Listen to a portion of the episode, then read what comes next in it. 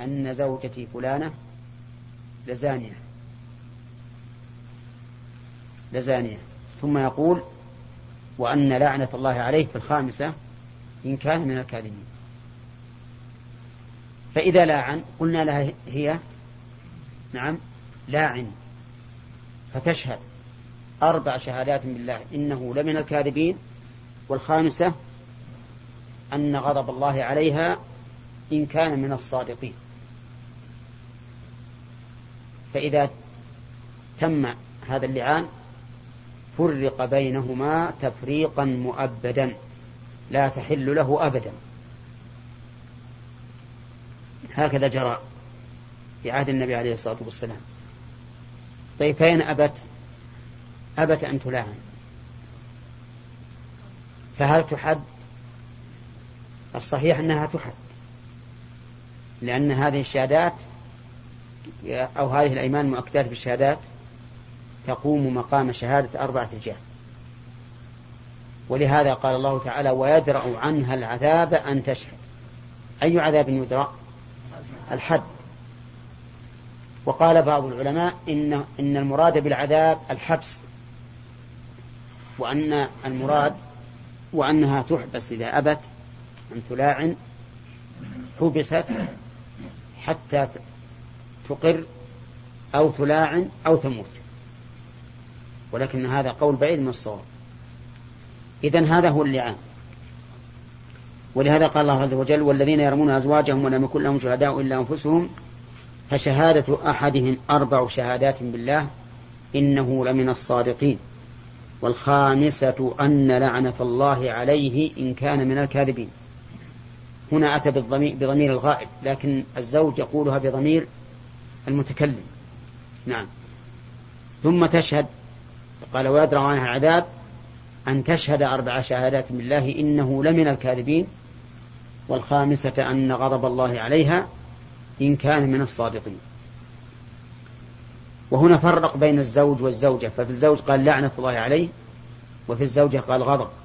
والغضب أشد من اللعنة لأن القول أقرب لأن الزوج أقرب إلى الصدق منها في هذه الحال. لأنه لا يمكن أن زوجا يدنس فراشه إلا وهو صادق. ويمكن بكل سهولة أن الزوجة تنفي عن نفسها هذا لتبرئ ساحتها. فلما كان الأمر من الزوج بعيدا ومن الزوجة قريبا صار نصيب الزوج إيش؟ اللعن. ونصيب الزوجة الغضب ثم استطرق البخاري رحمه الله لمسألة فقهية. وهل وهي هل إذا قذف الأخرس امرأته بكتابه أو إشارة كالمتكلم أو لا؟ يرى رحمه الله أنه كالمتكلم. قال وذلك لأن, الله لأن النبي صلى الله عليه وسلم قد أجاز الإشارة في الفرائض. وإذا جاز ذلك في الفرائض وهي واجبات جاز ذلك في هذا. يقال وهو قول بعض أهل الحجاز وأهل العلم. الغالب إذا قالوا أهل الحجاز يريدون به المالكية لأن الإمام مالك هو إمام أهل المدينة. يقال قال وقال بعض الناس قال بعض الناس كأنه يريد أبا حنيفة. البخاري إذا قال قال بعض الناس فالغالب أنه يعني أبا حنيفة. لا حد ولا لعان فيما إذا قذف الأخرس زوجته بالإشارة. ثم ثم زعم أن الطلاق بكتاب, بكتاب أو إشارة أو إيماء جائز. جائز يعني ماض ونافذ. ليس المراد بالجواز من الجواز التكليف اللي هو ضد الحرام. قال وليس بين الطلاق والقذف فرق. فإن قال القذف لا يكون إلا بكلام قيل له كذلك الطلاق لا يكون إلا بكلام. وإلا يعني وإن لم تقل بذلك بطل الطلاق والقذف. المهم أن البخاري رحمه الله يحاول أن يسوي بين القذف والطلاق. ويقول إذا كان الطلاق يقع بالإشارة فالقذف يقع كذلك بالإشارة. والآخرون يقولون لا والفرق بينهما أن الطلاق له حكم ونفوذ ويقع من من الهازل والجاد وحكمه يقع بالمتكلم نفسه. أما القذف فإن حكمه يتعلق بالغيب لأن القذف إنما وجب فيه الحد لأنه يدنس عرض المقذوف. ولا يتدنس العرض إلا بإيش؟ بالقول والكلام. أما مجرد الإشارة فإنه لا يحصل به تدنس كما يحصل بالكلام. حتى لو أشار بيده مثلا إلى ما يفهم منه فعل الفاحشة فإنه ليس كالكلام لأن الكلام صريح. الكلام مثلا يقول له أنت زاني مثلا. لكن هذا لا يصرح بذلك. على كل حال الإشارة إذا كانت من غير الأخرس الظاهر أن الصواب مع من يقول إنها ليست كالعبارة وأنها لا تعتبر قذفا لكن يعذر الحسان عليها. وإن كانت من أخرس فإن فالراجح قول من يقول إنها قذف. قول من يقول إنها قذف. لأن لأن لا نعم. لأن الأخرس ليس له طريق إلا هذا إلا الإشارة. لكن بشرط أن يكون هناك قرينة تدل على أنه أراد القذف. لأنه قد يشير مثلا بما يدل على الجماع مثلا ويريد أنه جامع من؟ زوجته. لأنه ما ندري, ما ندري. حتى لو قال هكذا يشير إليه وأشار بعلامة الجماع قد يقول يعني أنك أنت تجامع زوجتك مثلا. نعم؟ أو أن أبوك مثلا أباك جامع زوج أمك أو ما أشبه ذلك. ما هو صريح؟ فإذا وجد قرينة كمغاضبة مثلا وأشار الأخرس بهذا فالظاهر أن الصواب مع من يقول إنه إنه قد بوجود قرينة. طيب يقول الأصم يلاعن. الأصم هل يتكلم؟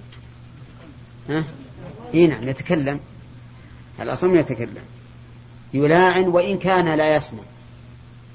ما تقوله الزوجة لأن المقصود سماع الحاكم والحاكم سيكون عندهما عندهما حين اللعان.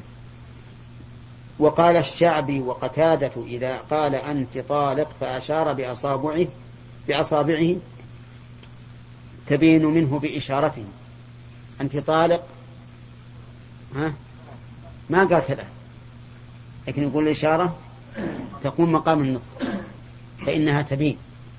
تبين لأنه أشار إلى أن الطلاق ثلاث وهذا المشهور عند عامة العلماء أن الطلاق الثلاث يقع ثلاثا وتبين به المرأة والصحيح أنه لا يقع إلا واحدة.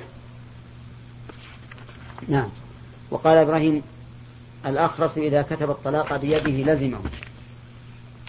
وكذلك إذا كتبه غير الأخرس لأن الكتابة صريح فإذا كتب الناطق الطلاق بيده وقال زوجتي فلانة طالق وقع الطلاق.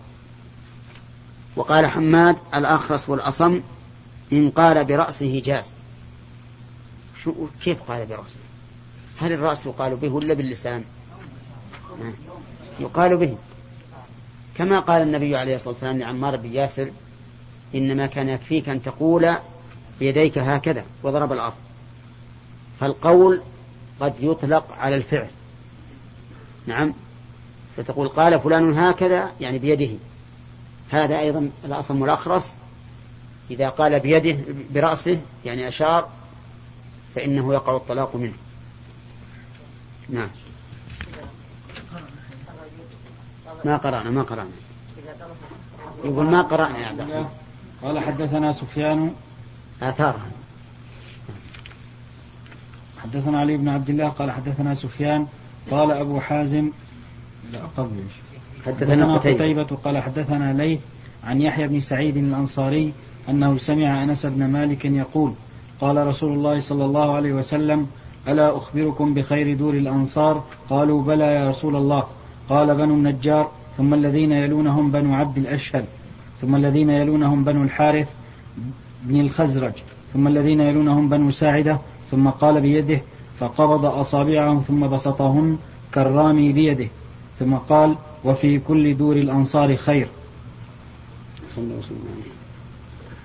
هذا مثل قوله تعالى لا يستوي منكم من أنفق من قبل الفتح وقاتل أولئك أعظم درجة من الذين أنفقوا من بعد وقاتلوا. ثم قال وكلا وعد الله الحسنى بعد أن فضل النبي عليه الصلاة والسلام أو فاضل بين دور الأنصار قال وفي كل دور الأنصار خير. لئلا يحصل بهذا بهذه المفاضلة تنقص للمفضول وإعجاب للفاضل نعم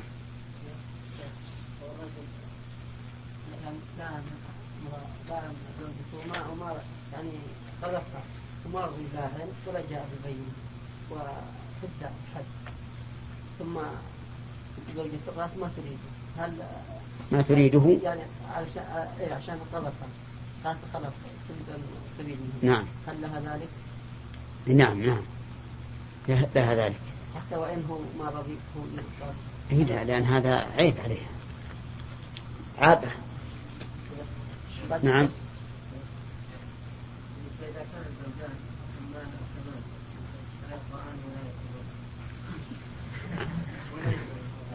نعم. بالإشارة. عم يوان بعد. هذه برية ما أقدر إن وقعت فالله يعين على مناقشة يعني طلبها. نعم وشلون؟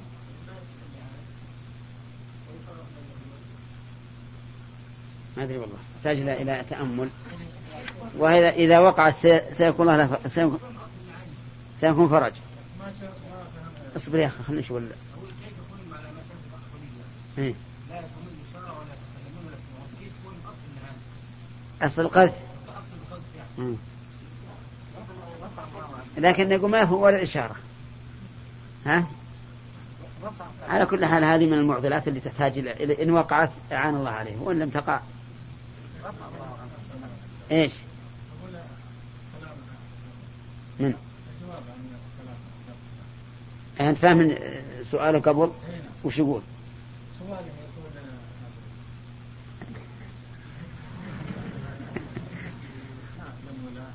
أي نعم. هل لها أن تطلب الطلاق يقول؟ نقول لها أن تطلب, الطلاق لأن هذا خدش خدشا عظيما. نعم. هو يبي حد لكن تقول هي متيقنة إن, إن أنه كاذب عليه ما ما تبيه طيب إذا ما ما طلبت الطلاق تبقى أي تبقى معه نعم. نعم.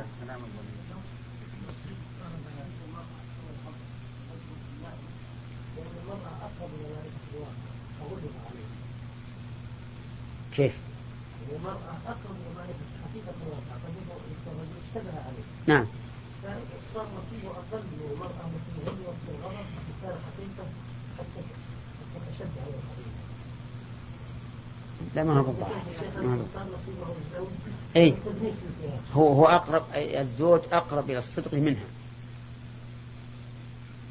أقرب إلى الصدق لا شك إنه أقرب إلى الصدق.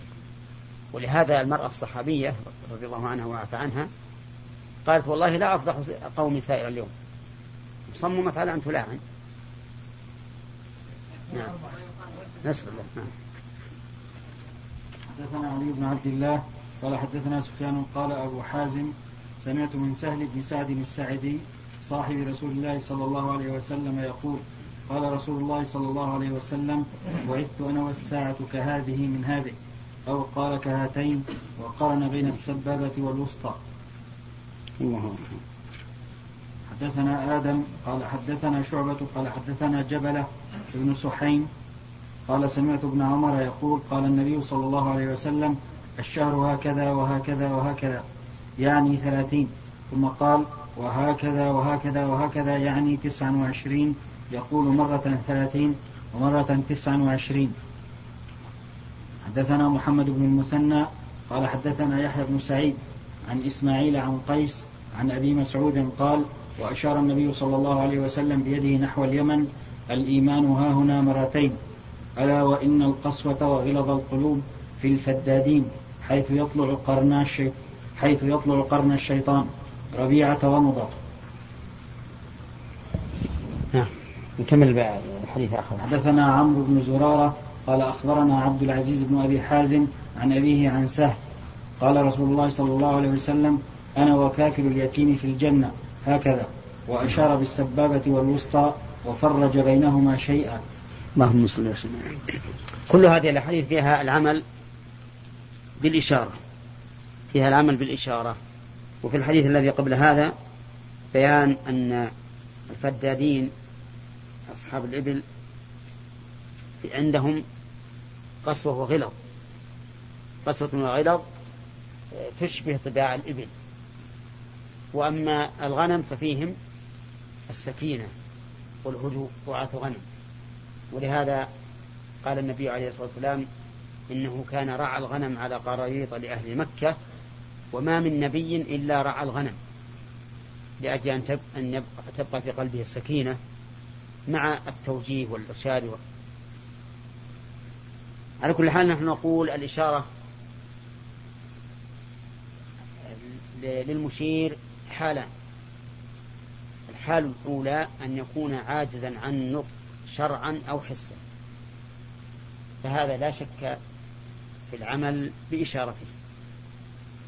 مثال العاجز حسا من به آفة تمنعه من النطق. سواء كانت هذه الآفة عارضة أو لازمة. فالعارضة كرجل حصل له علة في لسانه عجز لا يتكلم. واللازمة ها كالأخرس أما العجز الشرعي فأن يكون الإنسان في صلاة. فإن الذي في صلاة عاجز شرعا عن النطق. يعني لا يمكن أن يتكلم إلا أبطل صلاته. ولهذا لما صلى القوم قياما خلف النبي صلى الله عليه وسلم أشار إليهم أن يجلسوا. فجلسوا طيب. أما إذا كانت الإشارة من غير عاجز لا حسا ولا شرعا فهل يعمل بها أو لا؟ الصحيح أنه يعمل بها. إلا ما يحتاج إلى تصريح فهذا لا يعمل به. وذلك لأن الإشارة قد لا تفيد التصريح. وإن كانت أحيانا تفيد التصريح كالنطق. لو قيل له أفعلت كذا فأشار نعم. هذا صريح. لأنه كالنطق. نعم. نعم. نعم. نعم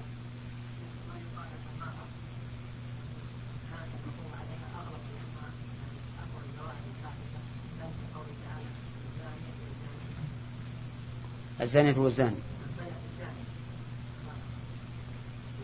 إيه هذا هذا كله يدور على على ما قلنا وعلى ما قال خالد يعني معناها ان الزوج أقرب إلى الصدق منه. إيه. نعم ابن عبد الوهاب قبل. المراد باليمن ما كان جنوب جنوب الحجاز. جنوب, الحجاز. معروف. لا لا. هو منها لا شك إن البلد المعين منها. نعم. ولكن بقي أن يقال هل إذا قال الرسول عليه الصلاة والسلام لا هذا في وقت يبقى هذا الحكم إلى يوم القيامة؟ هذا محل إشكال. هنا.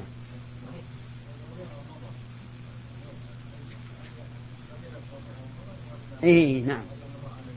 لا لا ربيع هم هم غالبهم رواة علم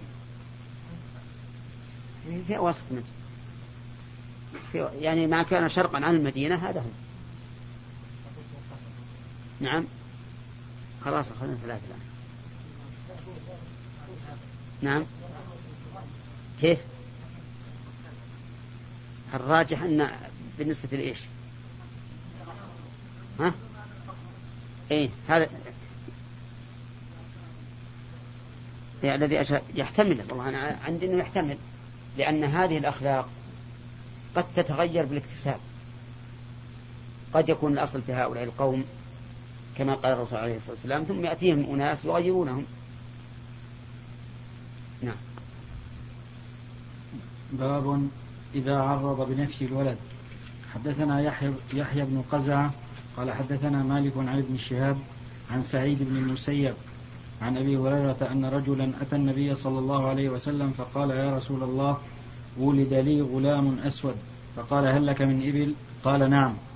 قال ما ألوانها؟ قال حمر. قال هل فيها من أورق؟ قال نعم. قال فأنى ذلك. قال لعله نزعه عرق. قال فلعل ابنك هذا نزعه. هنا في, في هذا دليل على أن الإنسان إذا عرض لنفي الولد فإنه لا يعد قذفا.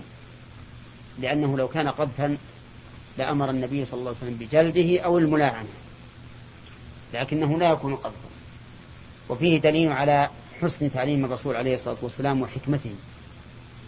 فإنه خاطب الرجل هذا بأمر يقتنع منه. لماذا خاطبه؟ في الإبل لأنه سأله هل له من إبل؟ قال نعم. قال ألوانها حمر. قال فيها أورق؟ قال نعم. قال أن فيها قال لعله نزعه عرق. قال فإن ولدك هذا لعله نزعه عرق. يعني لعل أجداده من قبل أبيه أو أمه كان فيهم أسود أو جداته فنزعه هذا العرق والحقيقة أن المسألة هذه إذا وقعت فهي تشكل على الرجل. رجل أبيض اللون وامرأته بيضاء اللون فتأتي بطفل أسود. هذه توقع الريبة. ولكن النبي عليه الصلاة والسلام أتى بدليل حسي واقع أنه لعله نزعه عرق وفي هذا الدليل على أنه على أن للشارع تشوفا لإثبات النسب وإلحاقه. لأن هذا الولد لو لم يكن من أبيه لكان لا نسب له. لكن الرسول عليه الصلاة والسلام حرص على أن يكون النسب للأب. ولهذا قال الولد للفراش وللعاهر الحجر. ومن ثم كان القول الراجح أنه لو قدر أن رجلا شاهد امرأته تزني والعياذ بالله أو أقرت عنده بذلك فإن له أن يجامعها فورا ولا ينتظر لا استبراء ولا عدة لماذا؟ لأن الولد للفراش حتى لو فرض أن الزاني نازعه فيه بعد ولادته وقال الزوج هذا ولدي فالولد لمن؟ للزوج وللعاهر الحجر وإذا كان الولد للزوج فله أن يطأ زوجته فورا. وهذا أحسن من الانتظار لأنه ربما تعلق بولد من هذا الرجل الزاني ويبقى الأمر مشكلا. فإذا أزال عنه هذا الشيء أو الشك بأن جامعها فإن الولد الذي يأتي بعد ذلك يكون لمن؟ للزوج. نعم. نعم. أي ما ينتفي إلا بلعان. لا ينتفي إلا بلعان والمذهب أيضا بلعان يسبقه قذف. والصحيح أنه ينتفي باللعان بدون قذف. نعم.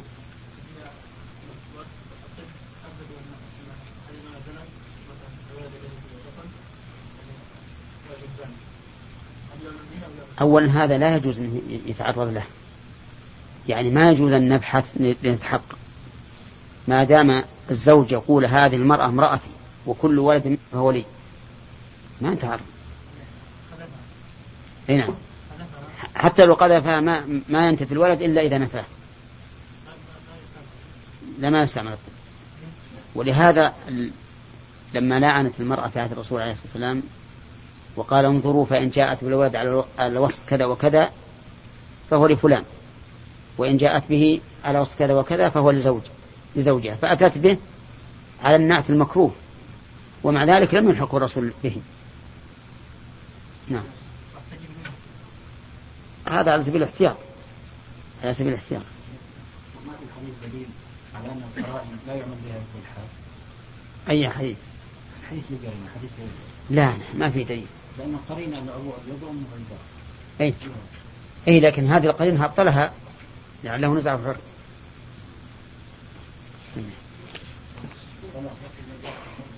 ها؟ أنت يلا. باب إحلاف الملاعن حدثنا موسى بن إسماعيل قال حدثنا جويرية عن نافع عن عبد الله رضي الله عنه أن رجلا من الأنصار قذف امرأته فأحلفهما النبي صلى الله عليه وسلم ثم فرق بينهما.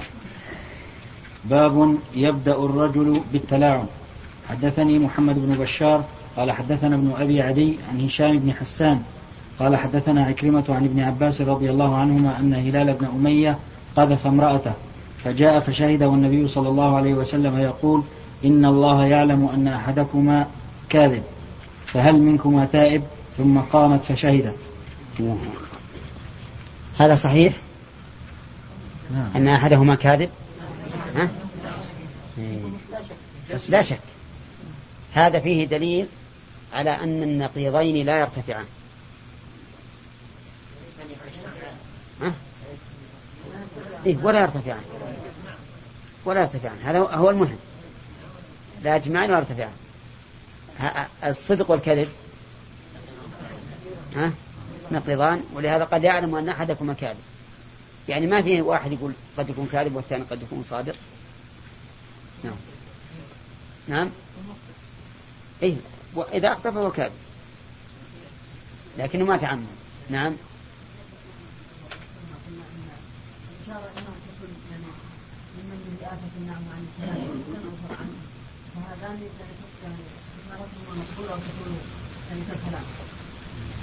يكون غير عاجل فهذا ذكرنا إلا فيما يحتاج إلى تصريح. ما أي ما لا يكتفى به الكناية الفرق بينهما أن العاجز لا سبيل إلى الوصول إلى نطقه بخلاف غير العاجز. مثل القذف وعلى آله وصحبه أجمعين. قال البخاري رحمه الله تعالى باب اللعان ومن طلق بعد اللعان. حدثنا إسماعيل حدثنا إسماعيل قال حدثني مالك عن ابن شهاب أن سهل بن سعد الساعدي أخبره أن عويمرا العجلاني جاء إلى عاصم بن عدي الأنصاري فقال له يا عاصم أرأيت رجلا وجد مع امرأته رجلا أيقتله فتقتلونه أم كيف يفعل؟ سل لي يا عاصم عن ذلك. فسأل عاصم رسول الله صلى الله عليه وسلم عن ذلك فكره رسول الله صلى الله عليه وسلم المسائل وعابها حتى كبر على عاصم ما سمع, ما سمع من رسول الله صلى الله عليه وسلم. فلما رجع عاصم إلى أهله جاء عويمر فقال يا عاصم ماذا قال لك رسول الله صلى الله عليه وسلم. فقال عاصم لعويمر لم تأتني بخير. قد كره رسول الله صلى الله عليه وسلم المسألة التي سألته عنها فقال عويمر والله لا أنتهي حتى أسأله حتى أسأله عنها. فأقبل عويمر عويمر حتى جاء رسول الله صلى الله عليه وسلم وسط الناس فقال يا رسول الله أرأيت رجلا وجد مع امرأته رجلا يقتله فتقتلونه أم كيف يفعل؟ فقال رسول الله صلى الله عليه وسلم قد أنزل فيك وفي صاحبتك فاذهب فأت بها. قال سهل فتلاعنا وأنا مع الناس عند رسول الله صلى الله عليه وسلم فلما فرغ من تلاعنهما قال عويمر كذبت عليها يا رسول الله. إن أمسكتها فطلقها ثل... كذبت عليها يا رسول الله إن أمسكتها فطلقها ثلاثة قبل أن يأمره رسول الله صلى الله عليه وسلم. قال ابن شهاب فكانت سنة المتلاعنين متلاعنين متلاعنين. بسم الله الرحمن الرحيم. سبق لنا اللعان معناه وصورته وأنه يفارق الزوج القاذف الأجنبي. لأن القاذف الأجنبي إما أن يقيم البينة بشهود أو إقرار المقذوف أو يجلد ثمانين جلدة. أما الزوج فيختلف فله إسقاط الحد باللعان. وفي هذا الحديث الذي أشار إليه المؤلف رحمه الله دليل على جواز التوكيل في السؤال في العلم. لأن رويمرا وكل من؟ عاصما عاصم بن عدي. وفيه دليل على أن الإنسان إذا قتل شخصا فالأصل أن يقتل به. فإن ادعى أنه مدافع أو أنه مستحق طولب بالبينة. طولب بالبينة. فإن أتى ببينة وإلا قتل. لأن الأصل العصمة. بل لأن النبي عليه الصلاة والسلام يقول البينة على المدعي. ولو قبلنا دعوى كل قاتل أنه مدافع لأمكن لكل شخص أن يأتي بآخر إلى بيته ويقتله ثم يدعي أنه مهاجم وأنه قاتله مدافعا عن نفسه وأهله. والدليل من ذلك قوله أيقتله؟ فتقتلونه. فإن قال قائل فإذا وجد الإنسان على أهله رجلا فهل يقتله أو لا؟ وهل قتله إياه من باب المدافعة أو من باب العقوبة؟ فالجواب أنه يقتله وقتله إياه من باب العقوبة لا من باب المدافعة. فيجوز أن يأتي إليه ويقتله بدون إنذار. وقد وقعت هذه القضية في زمن عمر رضي الله عنه. فاحتكموا إليه. فقال القاتل يا أمير المؤمنين إن كان بين فخذي امرأتي أحد فأنا قتلته. فأقر أولياء المقتول فأخذ السيف منه وهزه أخذه عمر وهزه وقال إن عادوا فعد إن عادوا فعد. وهذه هذه المسألة من من باب دفع الصائب. نظيرها من نظر إلى بيتك من شقوق الباب فإنه يجوز أن تبخق عينه ولو بأن تختله بدون إنذار. لو رأيت إنسان ينظر من شقوق الباب وأخذت شيئا تفقأ به عينه من رمح أو غيره ثم فقأت عينه حتى سالت على خده. فأنا قتلته. فأقر أولياء المقتول فأخذ السيف منه وهزه أخذه عمر وهزه وقال إن عادوا فعد. إن عادوا فعد. وهذه هذه المسألة من من باب دفع الصائب نظيرها من نظر إلى بيتك من شقوق الباب فإنه يجوز أن تبخق عينه ولو بأن تختله. بدون إنذار. لو رأيت إنسان ينظر من شقوق الباب وأخذت شيئا تفقأ به عينه من رمح أو غيره ثم فقأت عينه حتى سالت على خده. فإنك لا تضمنه. لأن هذا من باب العقوبة ليس من باب دفع الصائم. وفيه أيضا أن الرسول صلى الله عليه وسلم كان يكره مثل هذه المسائل. لأنها أمر شنيع والعياذ بالله. فكره هذا وكأن الرسول صلى الله عليه وسلم رأى أن المسألة فرضية تصويرية ليست واقعة. فلهذا كره المسائل وعابها ولم يجب.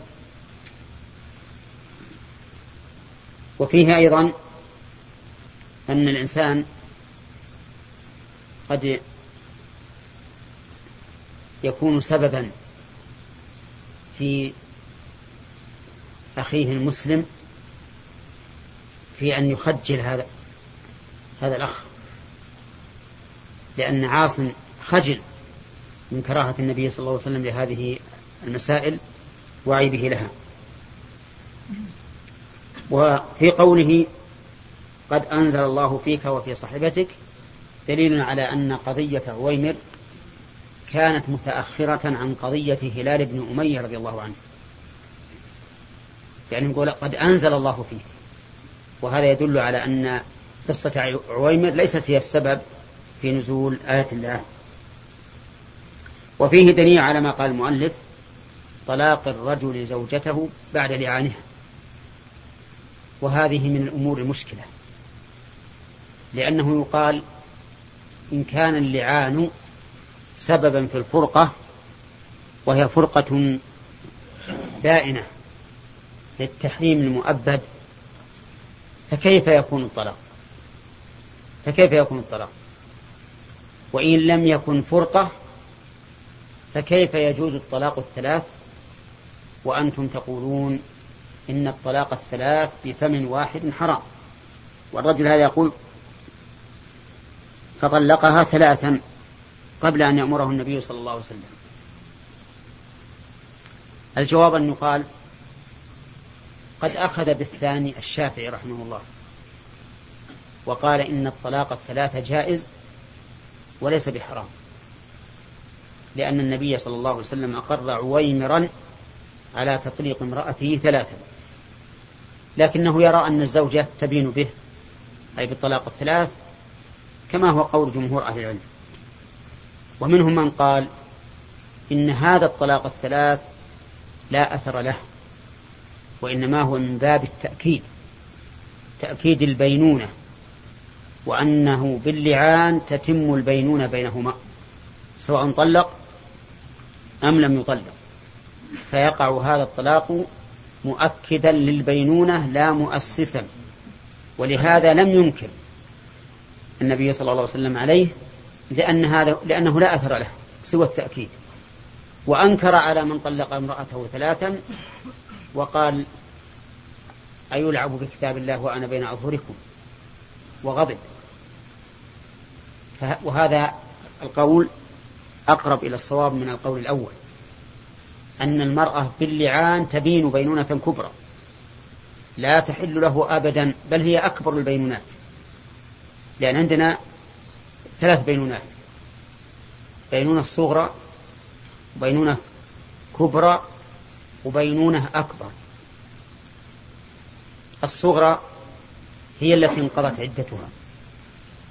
هي التي انقضت عدتها أو كانت بائنا بغير الثلاث. كالمطلقة على عوض. نقول هذه بينونة صغرى. لماذا؟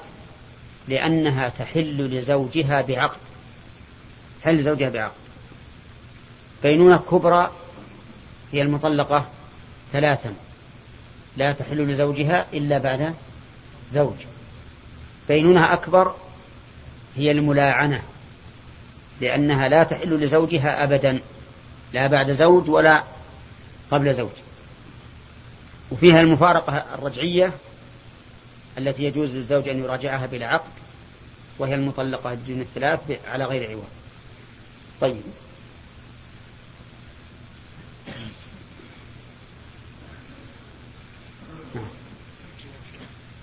نعم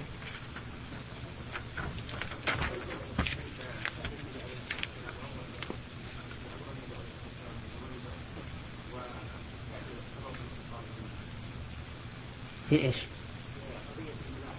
إيه؟ إيه هذا ما قتل الرجل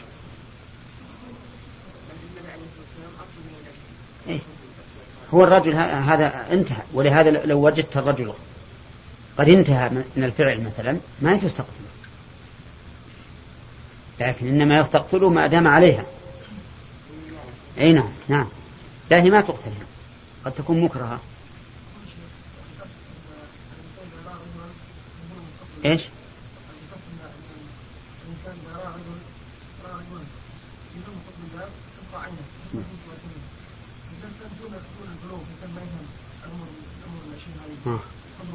لا ما هو بالله. لا ما ما ما ما يحصل. لأن الغلم الصغير ما عليه حدود. ما عليه حدود. لا يجب الحد إلا على بالغ ثم إن الصغير أيضا جرت العادة بالتسامح بأن يطلع على البيت. نعم.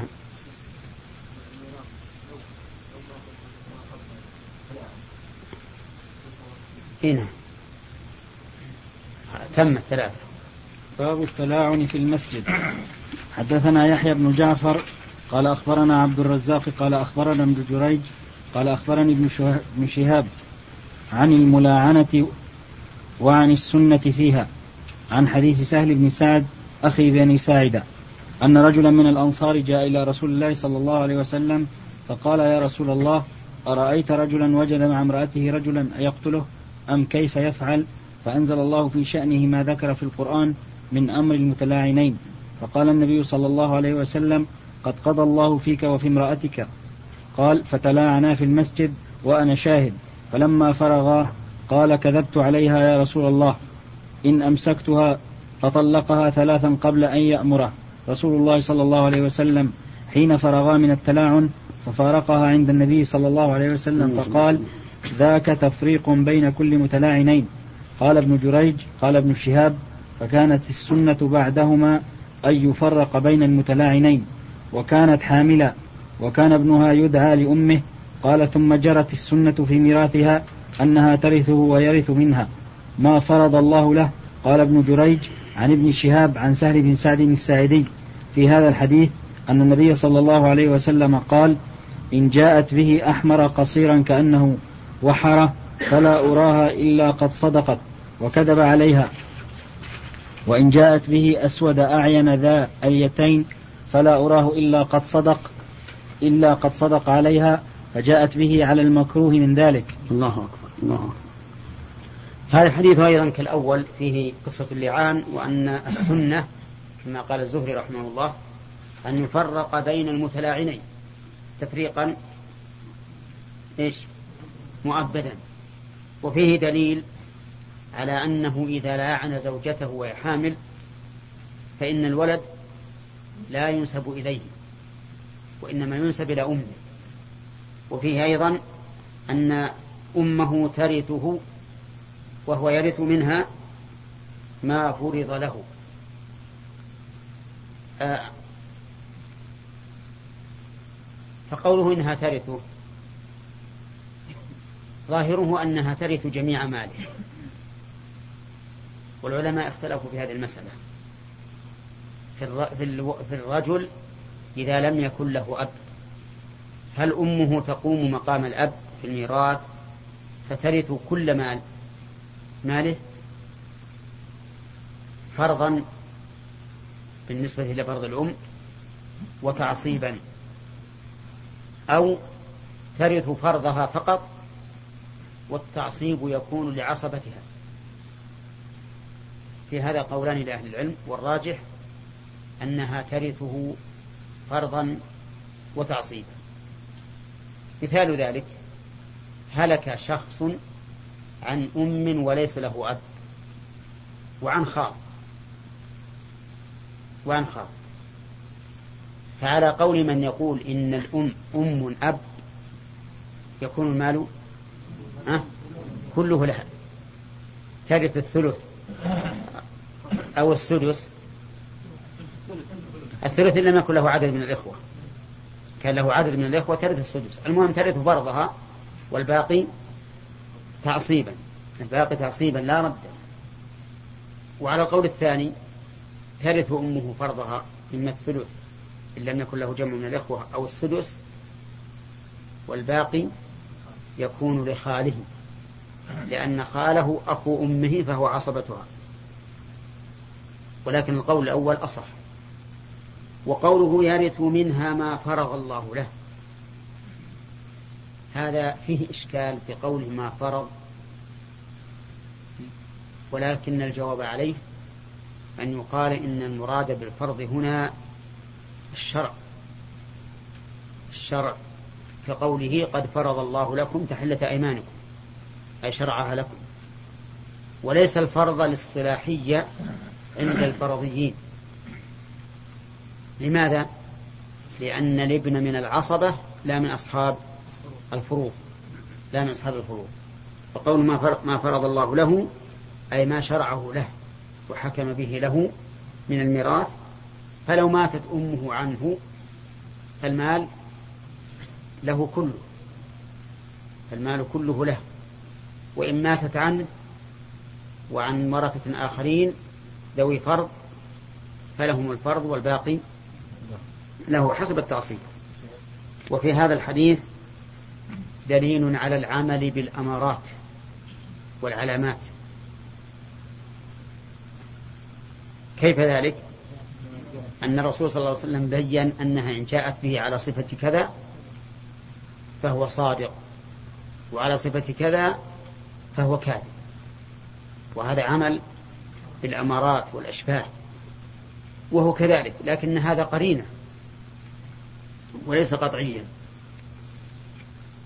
وفيه دليل على أن الحكم إذا ثبت فإنه لا ينقض بظهور أمارات تدل على كذبه. لأن الرسول صلى الله عليه وسلم لم ينقض هذا اللعان إذ لو نقضه لحد المرأة حد الزنا. بل أبقاه. وقد قال في حديث آخر لولا